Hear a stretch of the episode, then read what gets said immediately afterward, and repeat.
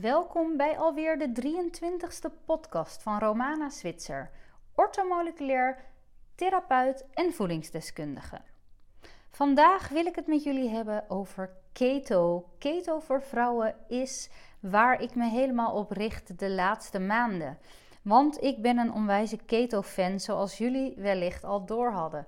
Als je mij al een tijdje volgt, dan weet je dat ik ontzettend um, graag over keto praat en dat helemaal ingevoerd heb in mijn praktijk. Dat ik daar al tijden mee werk met mijn cliënten. Dat ik twee online programma's heb gelanceerd gericht op keto. En dat ik dat zelf al ruim twee jaar doe. En nou wil ik jullie eigenlijk daar wat meer over vertellen, want het komt natuurlijk regelmatig langs in mijn podcast, maar misschien zijn er mensen die daar nog helemaal niet bekend mee zijn. Nou, wat is nou precies ketose? Laten we bij het begin beginnen.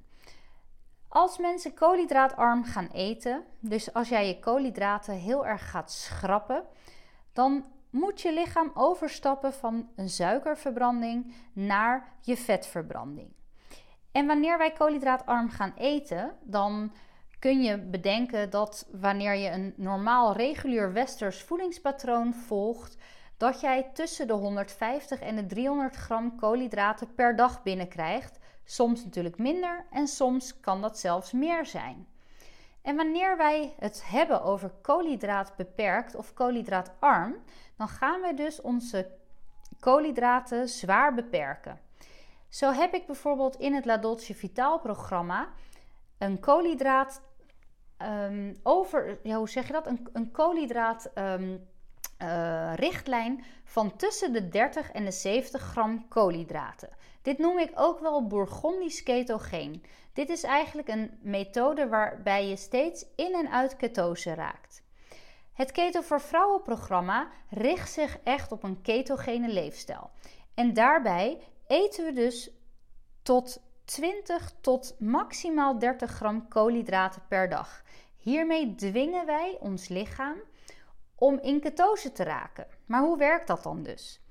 Wanneer jij je koolhydraten zodanig beperkt dat je lichaam op een gegeven moment door alle koolhydraten heen is die die binnenkrijgt en die die opslaat in de lever en in de spieren, dan dreigt er een koolhydraattekort. Dus dan is er ineens gewoon geen, geen energie meer uit koolhydraten beschikbaar.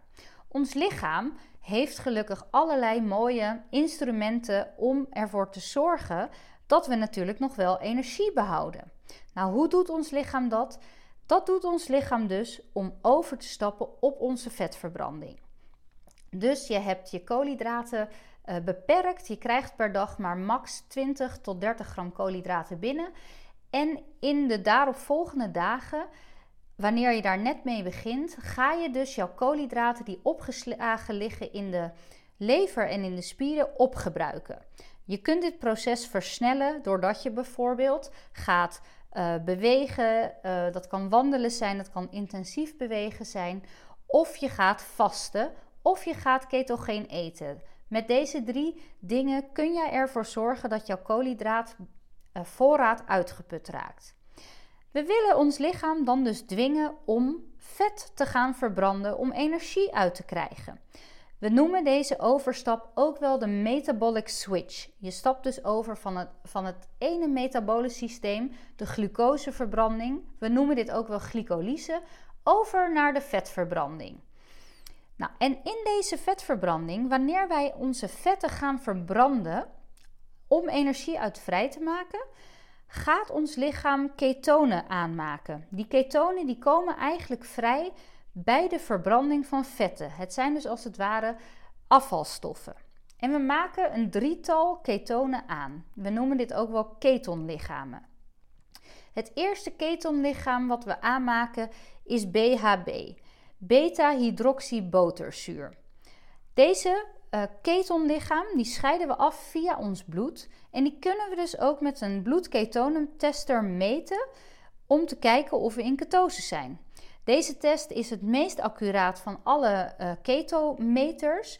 Alleen hij is wel vrij prijzig. Je betaalt namelijk per bloedstripje uh, meer dan een euro. Dus elke dag testen gaat je gewoon heel erg veel geld kosten. Het tweede ketonlichaam dat wij aanmaken, dat eigenlijk vrijkomt bij die vetverbranding, is aceton. En aceton uh, kan ervoor gaan zorgen dat onze adem en onze urine wat minder fris gaat ruiken de eerste weken dat je in ketose bent. Dat is een bijverschijnsel waar we eigenlijk allemaal doorheen moeten. Maar na een tijdje wordt dit veel minder en uh, bij de meeste mensen verdwijnt het ook. Maar je moet jezelf die kans geven om wel het een aantal weken, maanden te gaan doen. Om ook van al die um, kleine bijwerkingen daar ook weer overheen te komen.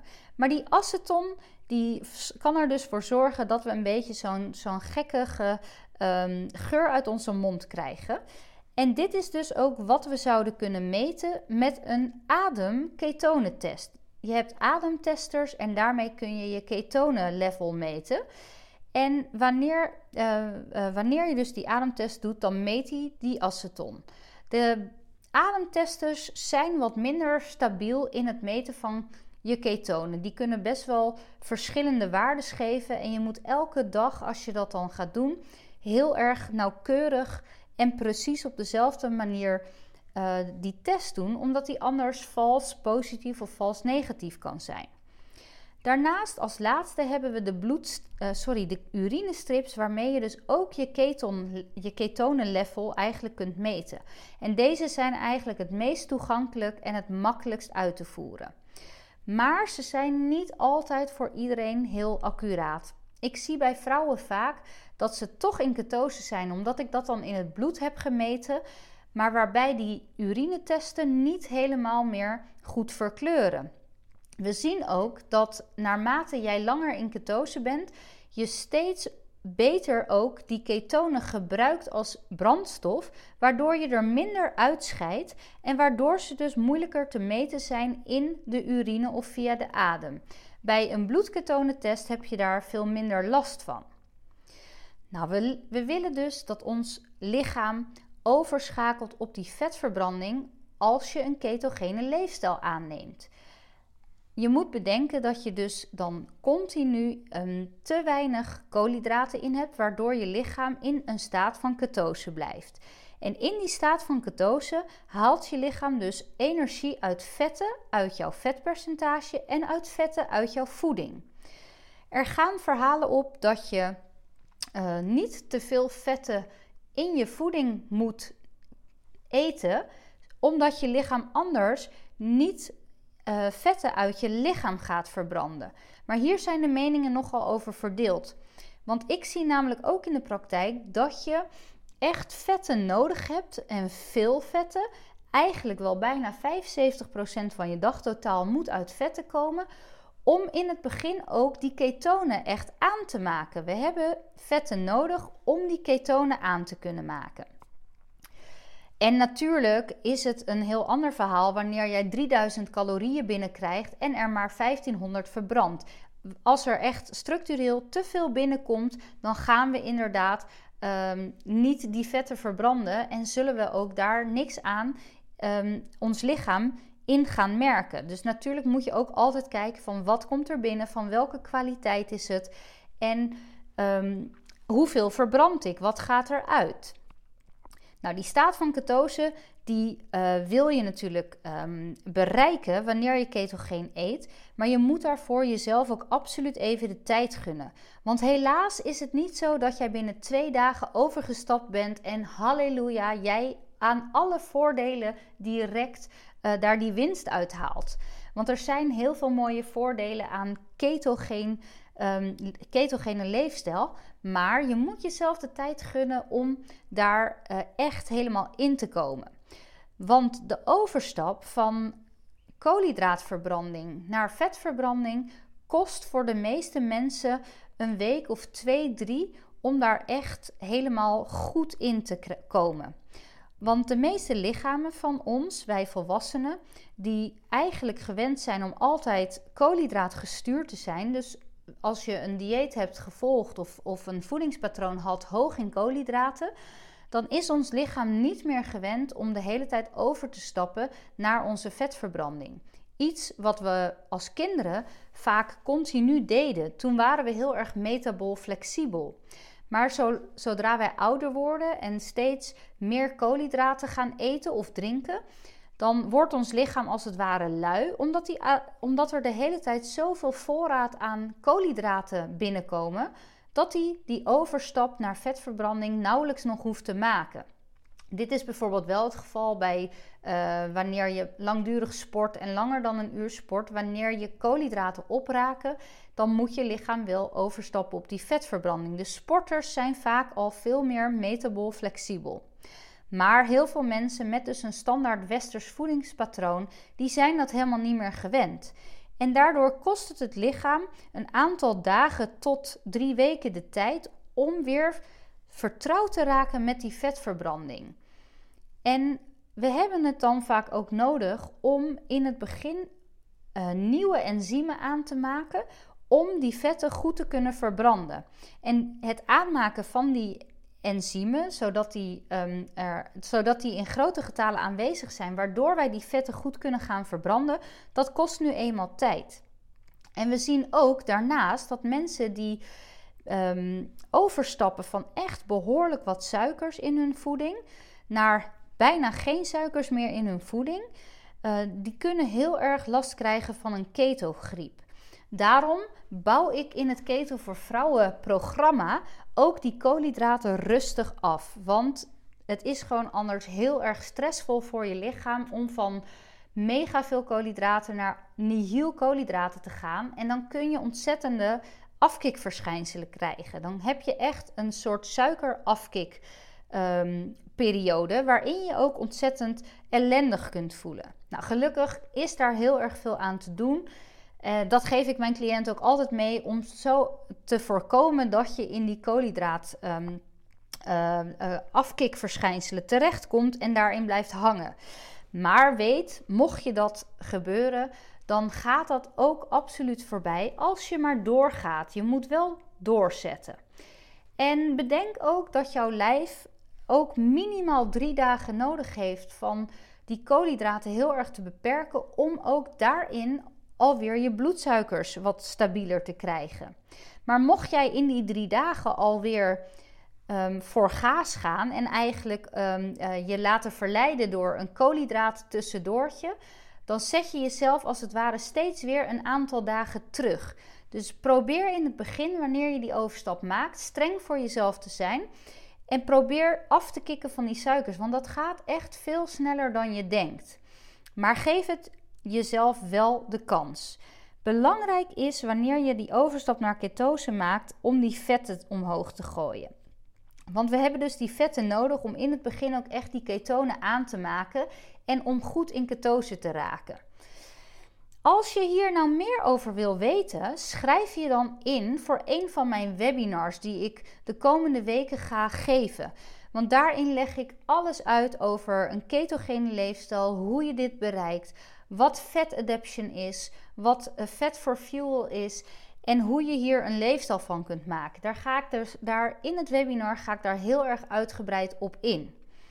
Nou, voor nu wil ik dus um, aangeven dat een ketogene leefstijl ervoor zorgt dat je overstapt op je vetverbranding en dat dat iets is wat heel wenselijk kan zijn, omdat dat allerlei mooie voordelen met zich mee heeft meeneemt, geeft. Ik raak de draad een beetje kwijt. Maar het heeft allerlei mooie voordelen. Het werkt naast bijvoorbeeld um, dat je je vetten gaat verbranden. Uh, om energie uit vrij te maken, werkt het ook heel diuretisch. Uh, je gaat dus overtollig vocht verliezen. Nou, dat zorgt er voor de meeste mensen voor dat ze in die eerste 2-3 weken echt behoorlijk af kunnen vallen. Ketonen zelf, die wil je ook graag aanmaken, omdat die zelf als antioxidanten in je lichaam werken. Dus dat is ook een mooi voorbeeld en een mooi voordeel dat die ketonen op zichzelf dus ook een hele positieve werking hebben.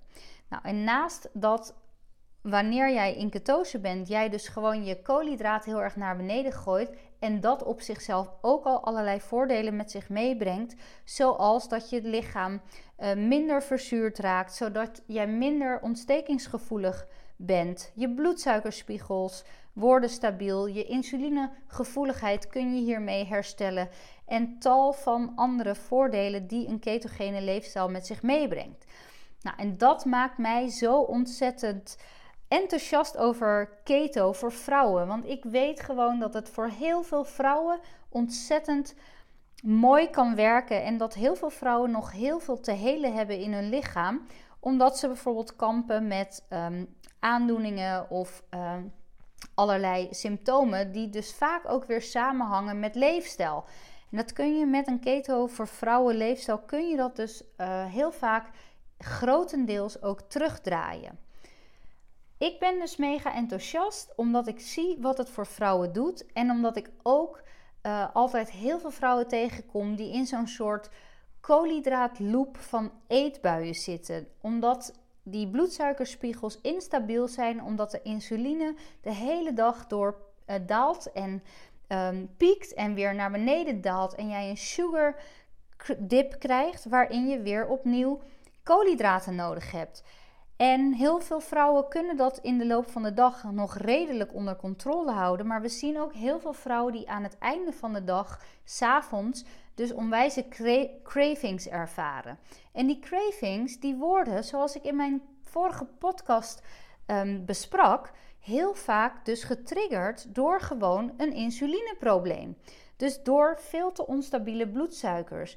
Dus ik zie bij heel veel vrouwen lossen zich als bijna vanzelf de eetbuien op. En natuurlijk zijn er altijd mensen die last blijven houden van emotioneel gestuurde eetbuien, maar dan zit er vaak nog een heel ander probleem of trauma onder, wat je wellicht al jaren met je meedraagt en wat gewoonte eten is geworden.